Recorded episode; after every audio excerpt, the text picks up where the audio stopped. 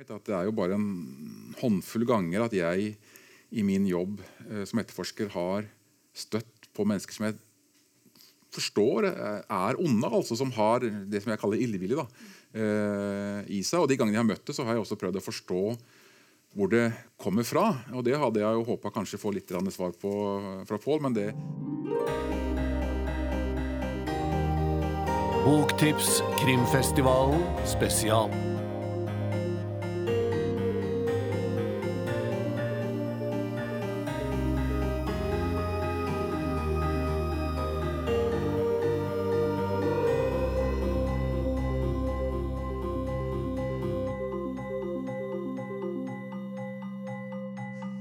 Er mange som er opptatt av, som de snakket i sted om, er hvordan er det med virkeligheten i forhold til krimlitteraturen. Og Er det en som da vet mye om det, så er det selvsagt Jørn Lier Horst. Og Han foreslo også at vi kunne ha en rettspsykiater på programmet. Det syns vi var en strålende idé.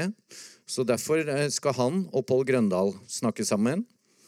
Og så, etterpå, så kommer Espen Skjerven. Han er tingrettsdommer og har skrevet krimromanen som står der. Så nå skal dere få hvordan etterforskning og hvordan drap skjer i virkeligheten, en lite innsyn i det i denne trekvarterstiden. For å passe på dem er det Marte Spurkland, eller passe og passe, hun skal snakke med dem i hvert fall, som eh, dere kjenner kanskje fra NRK eller TV 2. Sånn at eh, nå vil psykiateren, som jo vet at man kan få traume hvis man ikke blir anerkjent nok, ha forlangt at dere skal gi ham og Jørn Lierhorst og Marte Spurkland en enorm applaus. Ta godt imot Pål Grøndal, Jørn Lier Horst og Marte Spurkland.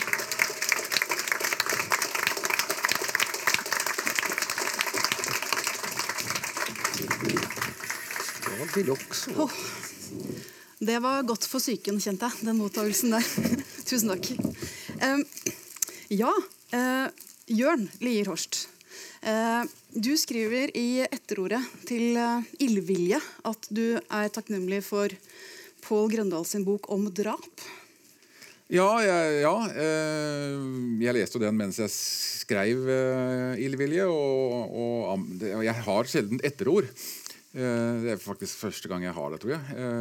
Og da anbefaler jeg den boka som, som Hva heter det for noe? Altså til videre lesning.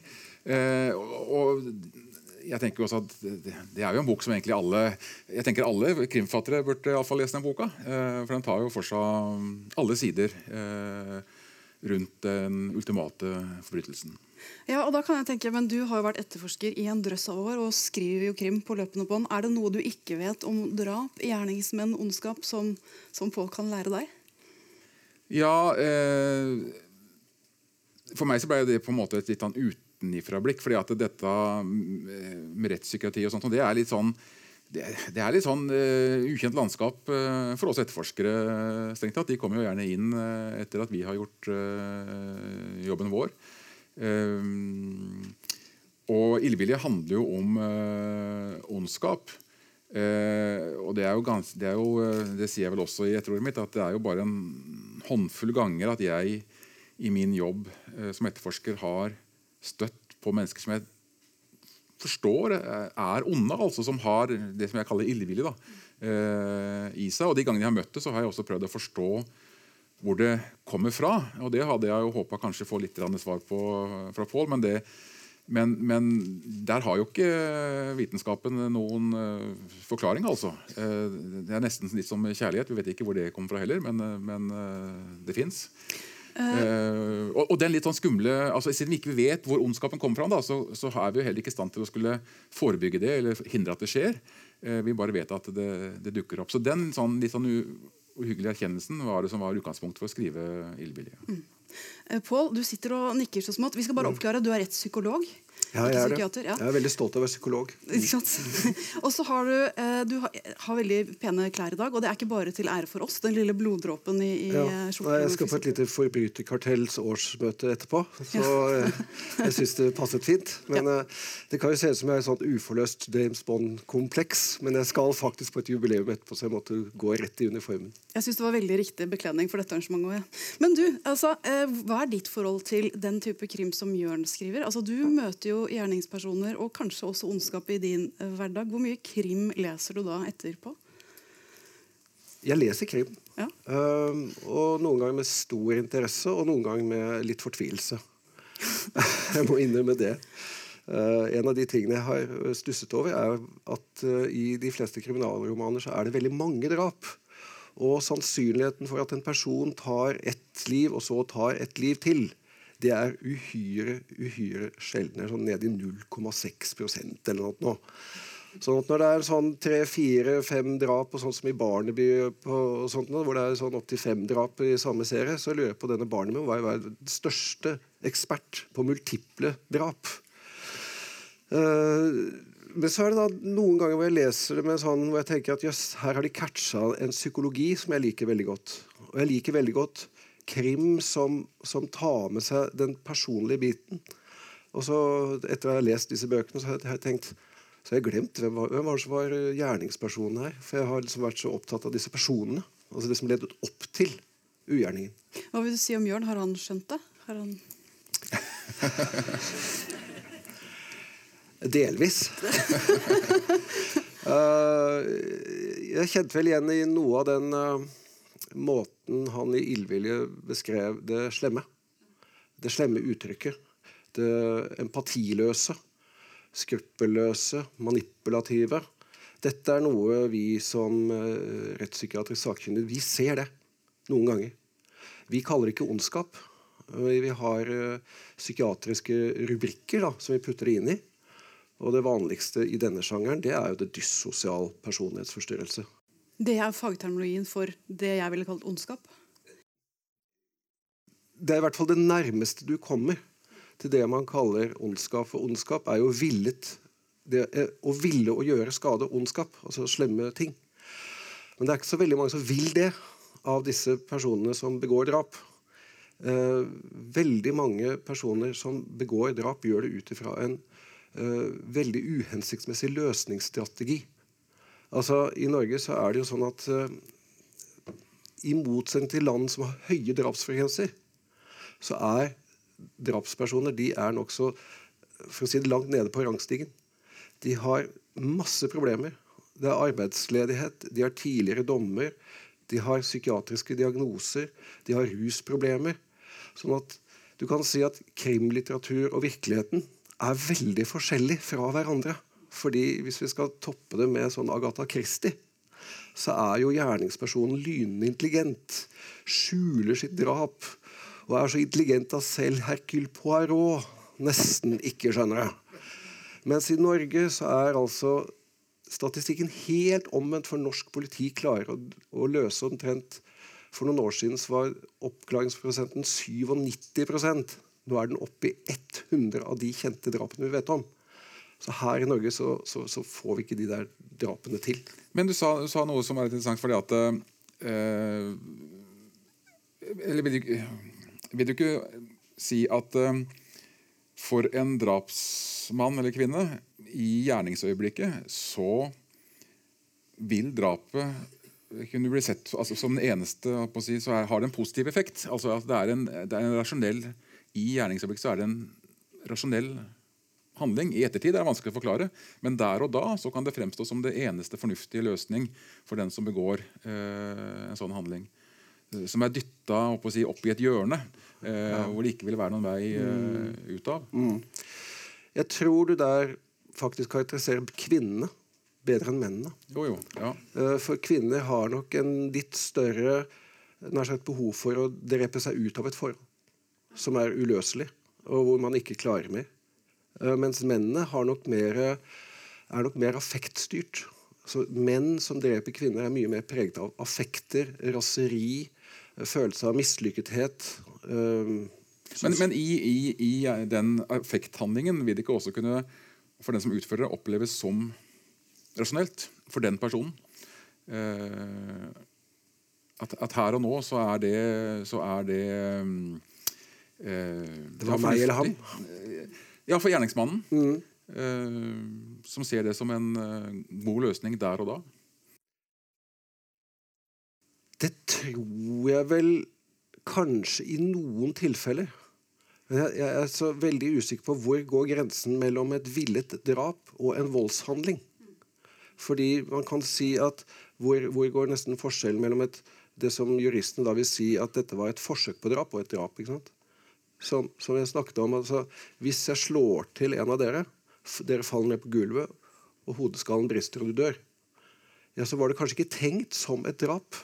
Et ønsket drap. Men volden var kanskje instrumentell for meg. Jeg ønsket å utøve vold for å markere en grense. Så kanskje ikke drapet i seg selv, men voldshandlingen, ja.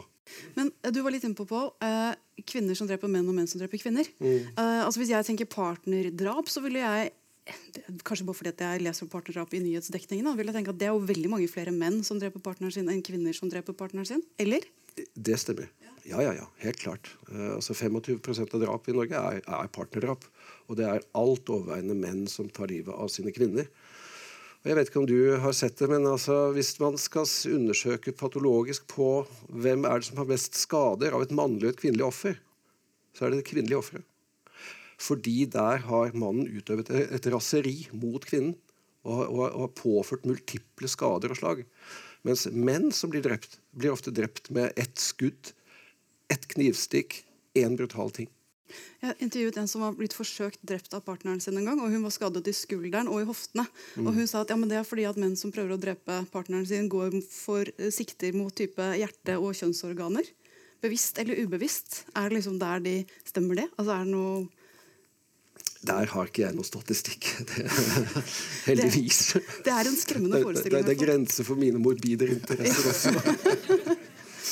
uh, Jørn, um, denne beskrivelsen av gjerningspersoner, det at de, det er en serie av uheldige omstendigheter, og så blir det den beste av alle de dårlige løsningene. Er det de gjerningspersonene du som oftest har møtt i felten? Eh, ja, altså, og det er jo også De som jeg har møtt i virkeligheten, er jo også veldig forskjellige fra de vi leser om. fordi de, de fleste gjerningsmenn og -kvinner eh, ringer jo sjøl til politiet og sier fra, forteller hva de har gjort. Eh, det er liksom det mest vanlige. Og det mest vanlige er at man har tatt livet av noen innenfor nære relasjoner. Ikke bare partnere, men kanskje mennesker man har en annen tett relasjon til. Og man gjør det med kniv, og man gjør det gjerne i fylla. Det er liksom det er, altså, Fylledrapet er liksom det mest uh, brukte, eh, kjente drapet i uh, Norge. Ja, fylledrap, men nå har det liksom blitt andre rusmidler. da, Men de aller fleste gjerningsmenn er jo uh, berusa eller, i, i gjerningsøyeblikket. Er, er ondskap ute av ligningen da? Altså Er det rusen eller fylla som er på en måte Ja, altså Ondskap er jo ute av bildet i de aller fleste tilfeller i Norge. Men, men altså, og, og, i de tilfellene man kan liksom tenke på ondskap, så er det, er det gjerne andre drifter. altså Jeg tenker på sadisme, og det er ofte seksuelt motivert. og den slags, Men eh, så, så, ondskap er veldig Det er, sjeldent, altså. Ja, det er, det er Isolert sett, iallfall. Ja, ja. Det er sjelden jeg også opplever disse menneskene som bare stirrer deg ned i senk, og du begynner å svette uvilkårlig av at her er det noe som Men- skurrer.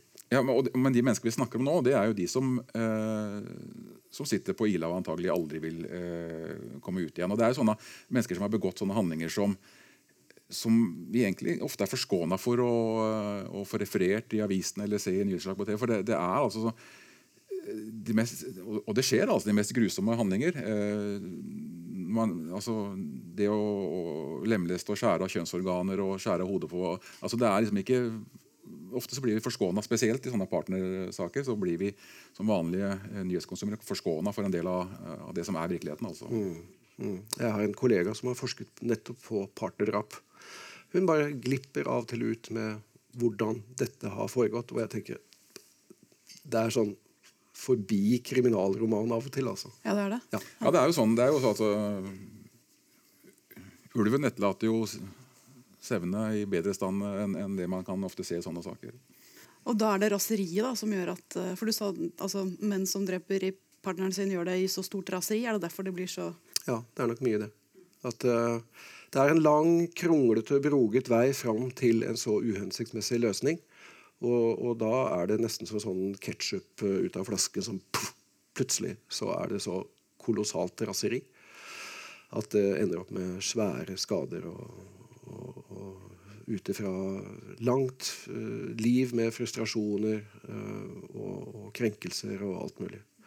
Så Men, men også før dette blir en partnerdrapssamtale eh, Du snakket om disse menneskene som du har møtt av og til. Da, de som setter dette blikket i deg, og det går nesten liksom kaldt nedover ryggen på deg. Hvor, altså, hvordan, hvordan har du det etter møtet med sånne mennesker? Ofte vet jeg ikke under samtalen at jeg har det som jeg har det. Men etterpå så har jeg ikke frosset nedover ryggen, men jeg har blitt svett under armene. Altså sånn, Jeg har gått etterpå og, plutselig kjent at jøss, jeg er jo dyvåt. Og så har jeg Hva var det for noe? Hva i all verden var dette her for noe? Og så har jeg da ofte, ofte så går jeg løs på en, på en slik sak med minst mulig kunnskap. For jeg vil ikke liksom gå rett i tunnelsyn. Og så har jeg lest hva denne personen har vært i stand til opp igjennom livet. Og så har jeg tenkt ja, det var ikke rart du reagerte på han der. Altså, Noen ganger har de startet med å smigre meg.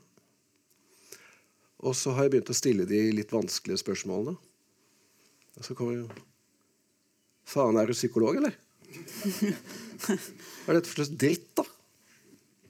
Og, og så begynner de å syke, syke meg ned. Stirre meg ned.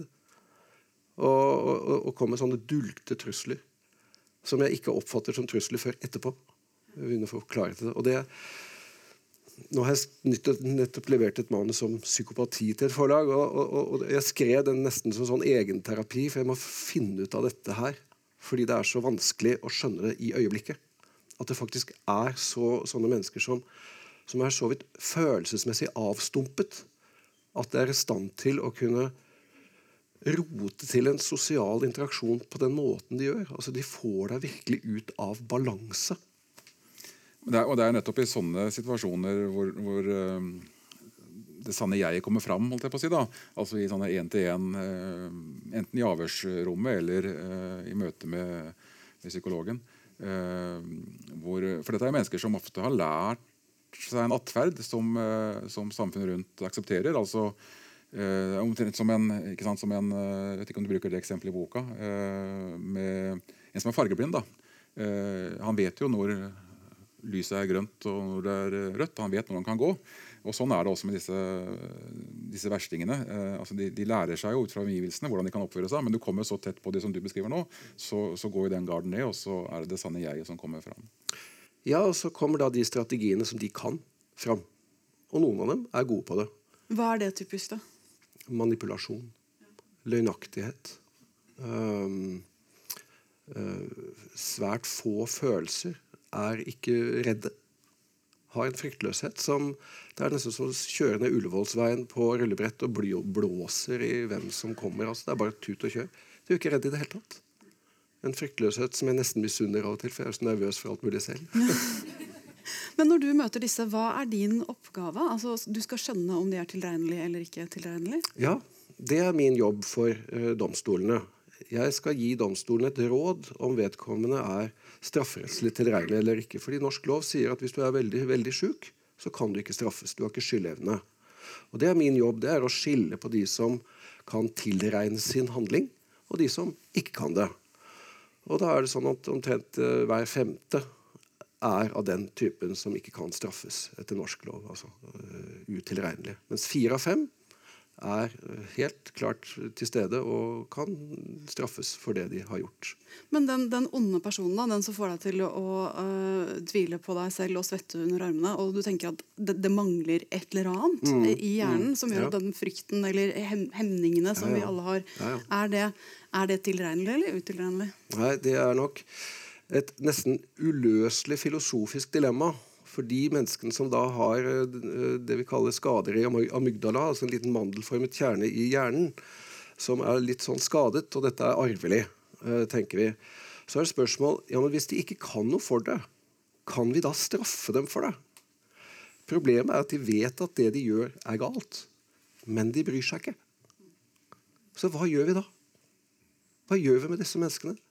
Skal vi si du, sorry, jeg har litt problemer med amygdala, så jeg kom til å slå i hjel kona mi, men eh, jeg kan ikke straffes. Tror du at norsk, norsk domstol og kommentariatet der ute ville akseptere det? Jeg tror ikke det. Jeg tror heller ikke det. Ergo så er de aller fleste eh, strafferettssystemer de er beregnet på at de straffer disse menneskene ekstra hardt. Istedenfor å se hen til at det er kanskje noe eh, nevrobiologisk galt med deg. Det har vært noen få saker hvor man har kjørt dem igjen i en uh, skanner, og så har de funnet disse små avvikene. Alle har vi avvik, sorry, men uh, det får ikke alltid disse utslagene. Men så har det da noen dyktige advokater har enkeltland fått, fått nesten frikjent dem. Og så går de ut, da. Et, tre måneder senere så er de inne igjen pga. noe nytt straffbart. Altså Noen klarer ikke å stoppe. Eh, Jørn, når du møter disse, da, er det sånn at eh, når dere begynner å gå opp historien deres, så ser du at ok, det var ikke første gang denne personen, altså dette drapet som ble utført her, var ikke første gang den personen gjorde noe ondt. Altså, hvis det er en medfødt ting, kan man gå tilbake og si sånn Å ja, han eller hun var mobber i barneskolen. Altså, kan, kan man ja, se det? Eh, eh, ja, det, det, langt på vei så kan man jo se eh, en, en, historikk av eh, avvikende atferd. Eh, I de tilfeller jeg har vært borti, så begynner det ikke sant, med å, å ja, å ta livet av og plage kjæledyra til naboungene. ikke? Det begynner helt sånn i, i, i barnealder. Eh, men som jeg sa, så lærer du deg at den atferden ikke er akseptabel fra omgivelsene. Og så fungerer du for så vidt godt i samfunnet, men så, og så ligger du under overflaten der. Og så noen ganger så, så sprekker og så kommer det, kommer dette her eh, fram. Eh, men det her kan man jo bli mørkeredd av. Altså, har dere noe, ut fra forskningen noen sånn prosentandel på hvor mange som går rundt og egentlig har denne lille ondskapsmangelen i amygdala, men som tilsynelatende fungerer helt fint for at man har lært seg å fungere? Ja, det har vi. Ja. ja. vil, vil det fins et tall for alt. Ja. Uh, jo, da, nei, Vi regner vel med sånn grovt sett, uh, og det er sånn omtrent i hele verden, at omtrent 1% av, befolkningen, av en gitt befolkning har slike det vi kaller psykopatiske avvik. da. Så uh, det er jo så hvis vi er 150 personer her, da, så er det halvannen av dere. men, men, men dette, dette, forskes det vel aktivt på fremdeles? fordi man er jo ikke helt knytt, man kan jo, Dette med en fysisk defekthet i hjernen er vel ganske lengst man har kommet på å forklare uh, den type handlinger. Men mm. man er vel ikke helt der at, man, at, det er enighet om at det er der det ligger? Nei da. Og jeg har nylig lest en sånn studie hvor man ikke bare skannet amygdala, men de små kjernene inne i amygdala. altså så de var det korrelert med psykopatisk avvik. Da, det eneste de fant, var at størrelsen på amygdala var litt mindre hos disse som var fryktløse. Men det i seg selv er ikke en årsak til dette. Det også, Slike mennesker fødes jo inn i verden. De opplever en virkelighet. Så det vi sier er at Jo verre dette mennesket har, har det, jo mer voldelig blir du. Dersom du fødes inn med disse avvikene, og har virkelig ålreite foreldre og en bra skole, oppvekst og barnehage, det er veldig preventivt for senere vold og uro. Så du kan dempe uttrykket ganske bra. Så miljøet kan veie opp for den medfødte Definitivt. Ikke helt. Jeg tror aldri jeg ville helt stolt på en slik person. Jeg ville aldri ansatt vedkommende eller, eller noe sånt noe, men, men, jeg tror at dette kunne, kan dempes kraftig. Men er det sånn at alle som går under kategorien ond, da, har denne mangelen? Eller er det noen som har en helt fin amygdala som alle andre, men som likevel gjør eh, onde Absolutt. Ja, ja, ja, ja. Det er alle mulige variasjoner. Det er som ikke grenser for Guds kjøkkenhage når det gjelder drap og ondskap. Ingen trøst her. Eh, er, er, det ene kjønnet, er det ene kjønnet mer, mer ondt enn det andre? Eller det tredje. Skal man lese i, i, avisen, så er det jo lov å snakke ned menn. Uh, menn er jo liksom årsak til alt ondskap. Vi er jo mer voldelige per gruppe. Uh, vi er mer urolige. Vi, er, uh, vi, dør kjappere og mer brutalt. Vi er, vi er mer oftere soldater, så vi dør jo der. Så jeg syns vel at på gruppenivå så har kvinner en bedre løsningsstrategi, nemlig ord enn det en del menn har. Altså det, de som oppsøker helsestasjoner, er jo gjerne jentene. Guttene uteblir, dessverre. Eh, tiden vår gikk så utrolig fort. Jeg trodde vi hadde veldig mye igjen. da, eh, Siste spørsmål til dere begge to. Da. Hva skal vi gjøre for å beskytte oss, eh, hverandre, de vi er glad i, samfunnet, mot ondskap? Bjørn? Uh, jeg er glad du startet. Skal jeg bare så surfe på det? Ja, nei, men det, er jo å gå tilbake til utgangspunktet for den siste boka mi. At vi vet jo ikke hvor den ondskapen finnes. så vi kan ikke forebygge det. Vi kan ikke forhindre det. vi bare vet at det, det kommer til å skje, og det dukker opp uh, i ekstreme former uh, av og til. med altså, type masseskytinger og, og den slags. Og, og, da er det jo andre mekanismer inne også. Hvordan, hvordan altså, hat i samfunnet. da, eh, Som gjør det lettere for mennesker som eh, mangler totalt empati, til å eh, nå gjennom en, en mur og, og slå til. Jeg er jo langt på vei enig. Vi kan ikke forebygge alt. Altså Det risikofrie samfunn finnes ikke. Men vi kanskje i Norge må vi slutte å være litt naive. Tro at barn som er ganske slemme, at de vokser det av seg. Det er bare en fase. Eh, Slutte å, å si at det, det går over av seg selv. Det gjør ikke alltid det. altså. Noen ganger må vi trå til, og så må vi sette virkelig måle ut disse folkene og si at her må vi sette inn noe. Her må vi sette tiltak. Og så må vi som mennesker som velger partnere, så må vi være litt forsiktige med partnervalg. Én ting er at du kan gjøre et, ett uheldig partnervalg. Skillet mellom de som stadig blir slått, er de som oppsøker nye tilsvarende forhold. Og de står i høy risiko for nettopp slike drap. De aller fleste av oss kan velge gæren partner én gang. Men så går vi ut av det, vi får sosial støtte, og så gjør vi det ikke mer. Der går det et kjempeskille mellom de som gjør det én gang, og de som gjør det flere. Så uh, beskytt dere mot ondskapen, folkens. Uh, tusen takk til dere.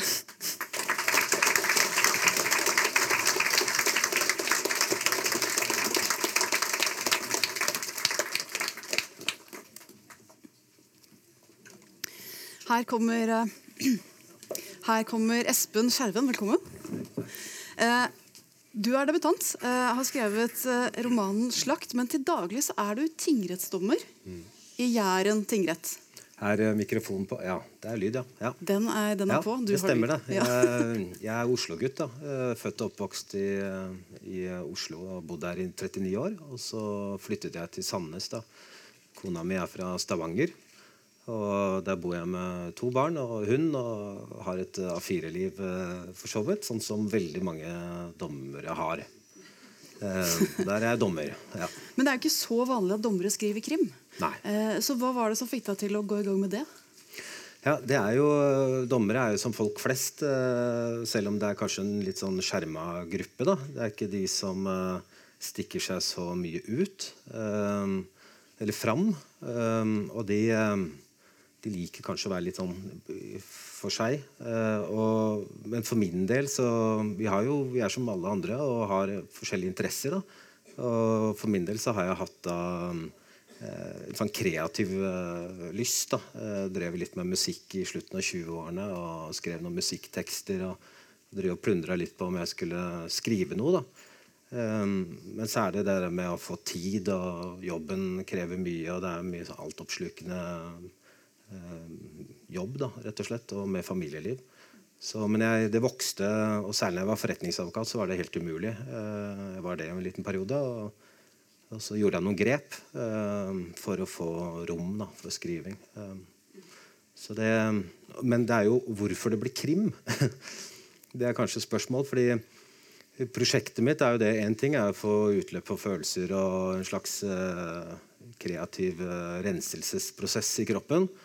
Eh, men det er jo, var jo veldig naturlig for meg å skrive krim, for jeg har en ja, Både i forhold til å være dommer i syv år og, og, og jobbet i eh, politiet, da, Økokrim og Kripos, så, så har jeg gjort meg noen refleksjoner. Da. Eh, Og så er det noe med å få omsatt det ut i, eh, i eh, på en kommersiell arena, tenker jeg. Fordi det, er eh, mange som eh, Man kan godt f som fagperson skrive faglitteratur. eh, og, og diskutere i de små arenaene eh, ting. Eh, men eh, det jeg har hatt lyst til, er å bringe noen spørsmål da, ut på den kommersielle arenaen og, og, og nå, nå massene litt mer der nå. Eh, Det som slår meg når jeg leser 'Slakt', det er at den er utrolig detaljrik. Eh, Her får vi innsyn i eh, noen detaljer som ja, sitter ganske sånn bra klistret i hodet etterpå. for å si det sånn. Eh, Og du fortalte meg bak scenen her i sted at den type detaljer blir vi jo ofte skånet for i mediene. Ja, de var jo så vidt inne på det i stad. Eh, Det er jo det, det er noe, vi, vi leser overskriftene. Vi leser om eh, drapet. eh, Vi leser om kanskje at det er partering. Eh, men det dommerne får, er alt opplyst i detalj. Da. Man får inn patologen, man får inn blodspor. Alt med bildebevis og forklaringer fra gjerningsmannen, tiltalte. Hvis de vil forklare seg, vil jeg merke. Og vitner. Ikke alt man har det, men alt blir jo veldig detaljorientert i, i vår hverdag. Da. Og det er også opp til overgrep på barn og de virkelig sånn vonde saker som rører mange. Og, men det folk leser, er jo de, de, leser ikke om avkopp, avkappa hode i kjøleskap, som en høyesterettsdom har behandla. Uh, likdeler i, i, seks poser i, i, kjøleskap. Som, og det er jo dommere som har gått gjennom rettsapparatet. Det, men det, det, blir kanskje omtalt som en sånn parteringssak. Da. Uh, og det Jeg sier ikke at man bør media bør skrive mer detaljert. For det er kanskje noe i, som du vet bedre enn meg, da, men i, i Vær varsom-plakaten f.eks. Eller det er noe med hensyn til fornærmede og, og etterlatte og ja, hvis det er barn involvert. Det er, noe med hensyn til, det er mange hensyn som spiller inn. Men, eh, men, men virkeligheten er eh, ganske brutal eh, i, i enkeltsaker, altså. Ja, altså. Vi skal opplyse det som på et samfunnsbehov. altså Det som samfunnet har behov for å vite, er jo ofte det som styrer. Men altså eh, Her i, i Slakt så eh, Det åpner jo med at det er to personer som er drept. Eh, og den ene har fått kappet av penisen, og den andre er nærmest blitt kvalt med den førstes penis. Ja. Det, altså, hvor, hvor, langt fra virkeligheten, fra ting som du har lest i sakspapirer, er vi da? Det var en advokat i eh, Stavanger som spurte meg De sier at de har jo si, ledd av den eh, detaljen. Da, så jeg lurte på om jeg har jeg prøvd det, eller har jeg forska på det, eller lar det seg gjennomføre. ikke sant? Uh, det er jo ikke uh, Jeg tenker at det kunne ha skjedd, da. Eh, på en eller annen måte. Eh, det er jo poeng med det, akkurat den eh, detaljen. Den er nok støter veldig på når man kommer på den i opplest inn sånn, i tiltalebeslutning. Da, for vi starter jo rettssaken i den boka. Og, og, da er jo tiltalebeslutning det er jo bare én side. da, eh, Bitte lite dokument hvor man den straffbare handlingen som retten skal ta stilling til, er beskrevet veldig sånn tørt. da, At man da har kappet av penis, eh, kvalte personen. Eh, ikke sant? Det er veldig sånn tørt. Mens all det derre eh, eh, Jeg tenker akkurat de det, det, kunne ha skjedd, men akkurat raseriet bak det, det er litt av poenget mitt med den boken. Det er jo den som har gjort det, og det er jo gåten, blant annet. Gåten i boka. Hvorfor har man gjort det? Hva har vekket det, det raseriet? Hva har vekket det? Er det en grunn til det? Og det er jo det er to parallelle historier den, i den, den, boka. Det er det drapet som du nå beskriver. Men så er det en underliggende uh, større bilde som man ikke ser i tiltalebeslutningen eller i, i rettssak som man starter med. Da. Det, det er et, noe bakenforliggende enn det som blir opplyst. Og, og virkeligheten kan være sånn. Fordi politiet de etterforsker en straffbar handling. Det kan være drap på når de får nok til å vite hvem har drept. Uh, og det subjektive, som vi kaller det, uh, viljen, da, forsettet, uh, har man gjort det med hensikt. Så, så, så, stopper man der. Man overetterforsker ikke saker hvis man ikke må. da.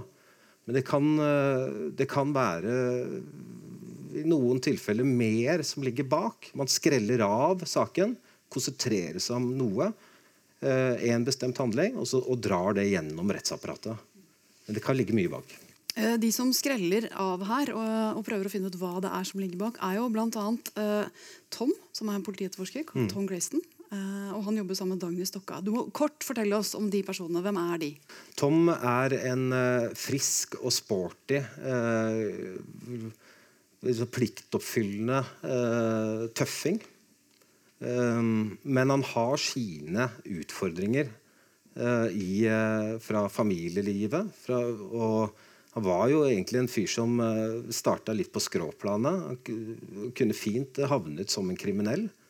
Men det var noe som trigget ham til å, å, å ja, han, Særlig rundt når han skulle begynne i militæret. da, så, så var det noe som trigga ham da, til å bli, komme på rett kjøl. Eh, men han har en eller annen sånn eh, Det er en karakter og en spenning i den karakteren. Så det er litt spennende å se hvor jeg drar han. da. For han kan, eh, han kan dras i alle retninger, egentlig. Mm.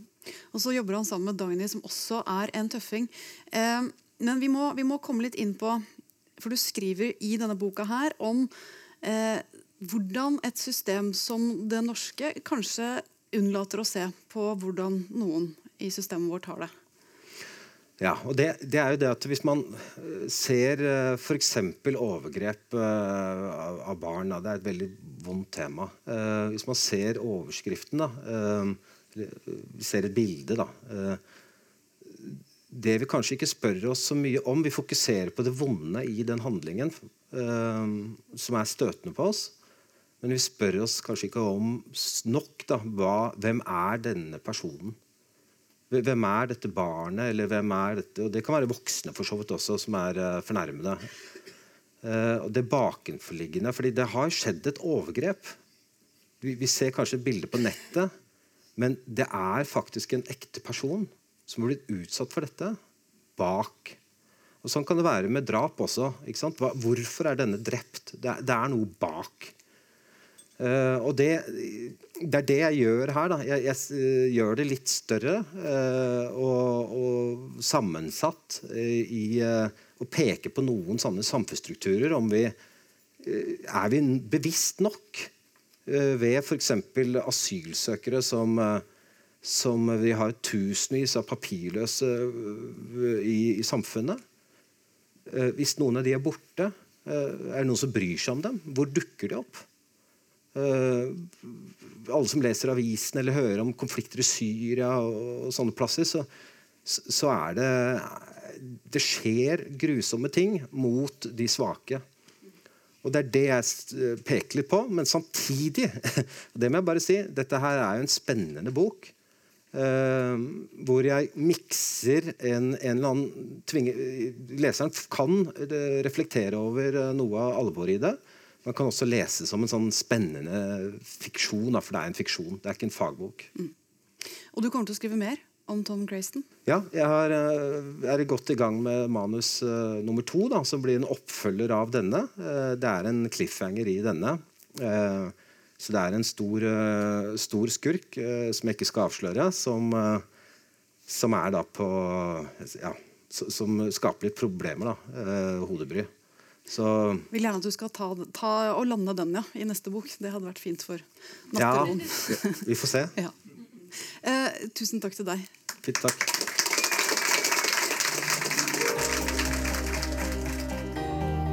Boktips, en podkast fra Cappelen Dam.